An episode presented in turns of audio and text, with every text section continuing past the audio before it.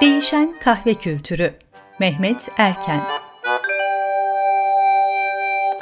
5 sene önce bir pazar sabahı bugün çok meşhur olan kahvecilerden birine uğramıştım. Açıldığını ve güzel olduğunu duymuş ve yolumu ancak o vakitte düşürebilmiştim. Issız sokak, tabelasız bir mekan ve bulup da içeri girebildiğinizde acaba yanlış mı geldim diye düşünmenizi sağlayacak geniş bir boşluk. Bir tek kahve yapan arkadaş barista var. Barista bu sessizliği bozarak dükkana giren ve bir espresso isteyen bir kelaynağa yani bana kapıdan çıkarken görece yüksek bir sesle kahvemizi nasıl buldunuz diye sormuştu. Aynı mekanda bugün pazar sabahı sıra beklemeden kahve içmeniz imkansız. Bugün aynı kahveyi yapan arkadaşa ulaşabileceğimi sanmıyorum. Hele ki bir de kahveye dair yorum sorsun. Ne demek? Tabii ki beğeneceğim. Aksi mümkün mü?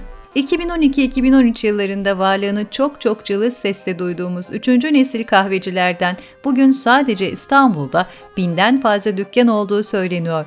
3. nesil kahvecilerin yanında her yanımızda irili ufaklı zincir ya da butik kahveci var. Pek çok kafe ve restoran envai çeşit kahve yapıyor. En olmadı kahve istediğinizde alacalı bulacalı fincanlarda içinde kahveyi zor bulduğunuz bir tantana ile servis ediyor. Bu hızlı gelişimin sebebi nedir? İnsanlar neden bu işi bu kadar sevdi? Nasıl oldu da Afrika'nın köylerinin dahi isimlerini öğrendik ve nasıl oldu da kahve içmeden uyanamaz hale geldik? Bu yazıda bu ve benzeri sorular üzerine sesli düşünmeye çalışacağım. Babaannem 1950'li yıllarda evlerinde çayı sadece haftada bir, misafir gelirse demlediklerini ama annesinin her sabah muhakkak kahve içtiğini söyler. Kahve, keşfinden itibaren Osmanlı dünyasında yer edinmiş bir içecektir. Kendi topraklarında üretilir, merkezi şehirlerde tüketilir. Ama Cumhuriyet Türkiye'sinde kahve ithal edilen bir içecektir. Hem de eski topraklarından değil, doğrudan küresel kahve tüccarlarından.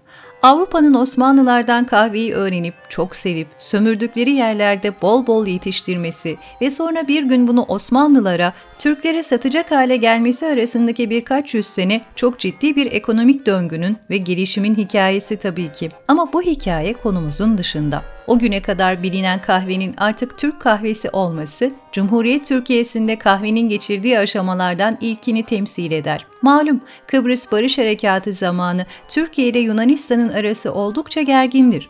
Bu gerginliğin verdiği gazla bir Yunan firması biz bu kahveye Yunan kahvesi deriz diye açıklama yapar ve pandomine kopar.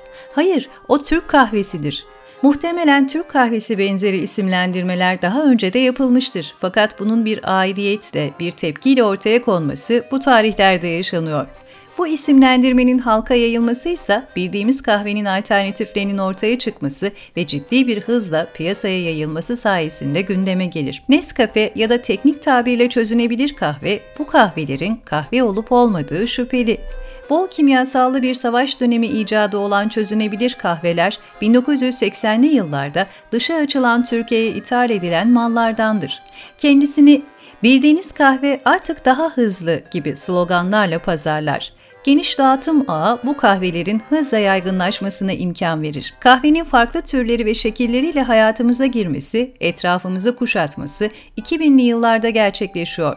Türkiye'nin hızlı dönüşümü, zenginleşmesi, kahvenin dünyada çok tüketilmeye başlanması ve yine dünyadaki kahve trendlerinin ülkemizde hep beraber yan yana gelişim göstermesi hem küresel örnekleriyle benzer hem de kendisine has şekilde bir kahve gündemini doğurmuş durumda. Bu döneme biraz daha eğilmek gerekiyor o zaman. Türkiye'de zincir kahvelerin ilk şubesi 1999 Aralık ayında açılmış, biz 2000 diyelim. 2000 yılında İstanbul'daki alışveriş merkezi sayısı 10 civarında ve bu tarihten sonra alışveriş merkezlerin hem sayısı artıyor hem de hayatımızdaki yeri genişliyor. Bugün sadece İstanbul'da 120'ye yakın, Türkiye genelinde ise 400 alışveriş merkezi mevcut. Zincir kahvecilerle alışveriş merkezi ilişkisi ise doğrudan ilişki. İthal zincir kahve mağazaları ve yerli muadilleri zaman içinde çok hızlı bir yayılım gösterdiler. Bugünse malum her alışveriş merkezinde birkaç zincir kahveci bulunuyor. Zincir kahvecilerin yayılması demek aynı zamanda Türk kahvesi ve çözünebilir kahveler dışında filtre kahvesi, espresso, lattesi, macchiatosu pek çok farklı kahve türlerinin belki de ilk kez bu kadar sesli duyulması demek. Bu zamanlar halen evde karton kahve bardağı taşımanın çok havalı olduğu yıllar. Bu noktada basit bir mantık yürütmesi yapabiliriz. Zincir kahveciler açılıyor, tadılıyor, beğeniliyor. Farklı bir şey ve taşınabiliyor. Fakat hem biraz pahalı hem her yerde yok ve her daim yer işlemiyor bu kahveye. Evde yapamaz mıyız? Kahvecilerde ve hatta artık yavaş yavaş marketlerde çekirdek olarak da çekilmiş halde de kahve satılıyor. Aynı kahveyi alırız, evde yaparız. Kahve makinesi nerede? Global tepkisel tavrı ise üçüncü nesil kahveler olarak biliyoruz. Yani kahvenin yetiştiği topraktan bardağa girene kadarki tüm aşamalarına dikkat edilmesi. Sonuçta maksimum lezzete sahip kahve yapılması, üçüncü nesil kahvecilik, zincir kahvelerin standartlaştırılmış lezzetlerine bir itiraz olarak yükselmiş ve daha ziyade butik dükkanlar eliyle gelişmiş bir akım. Kahvenin çekirdeğinin nereden geldiği biliniyor. Her kahvenin kendine has bir tadı var. Her kahve yapım usulü kendine has bazı özellikler taşıyor ve bu nedenle bu kahveleri yapanlar bir tür zanaat icra ediyorlar. Bu türün başlangıcı 2000'li yılları bulsa da Türkiye'de ve dünyada 2010'larda yaygınlaşmış bir akım olarak biliniyor. Türkiye'de bu tarihlerde ilk dükkanlar görülmeye başlandı. Geçtiğimiz 4-5 senede ise adeta mantar gibi çoğaldı. Kahve festivali, yarışmalar gibi yan organizasyonlarla da perçinlenen Instagram ve diğer sosyal medya araçlarıyla etkileşimi kat be kat artan akım hem muhtelif dükkanlarda hem de evlerde yapılıyor.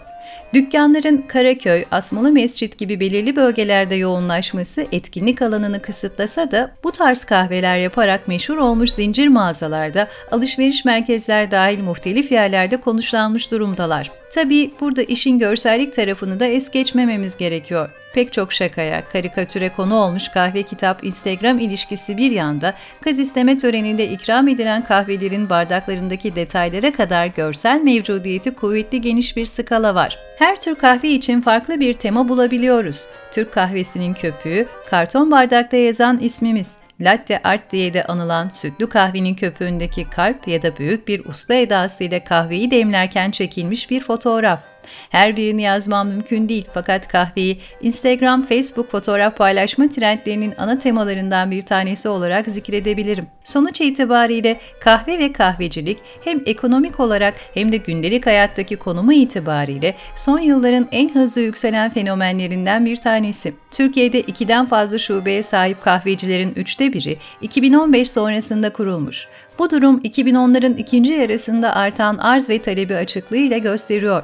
Bu kahvecileri ve genel itibariyle kahve alışkanlıklarımızı belirli kategorik sınırlar içinde değerlendirmekse oldukça zor. Hayatlarımız yerel, global, butik, zincir gibi ayrımların yanında lezzetiyle, sunumuyla, tarihiyle, ekonomisiyle gümbür gümbür gelen kahve tarafından işgal edilmiş durumda. O zaman şu soruyu sormamızın vakti gelmiştir. Bir bardak latte'nin kaç yıl hatrı vardır?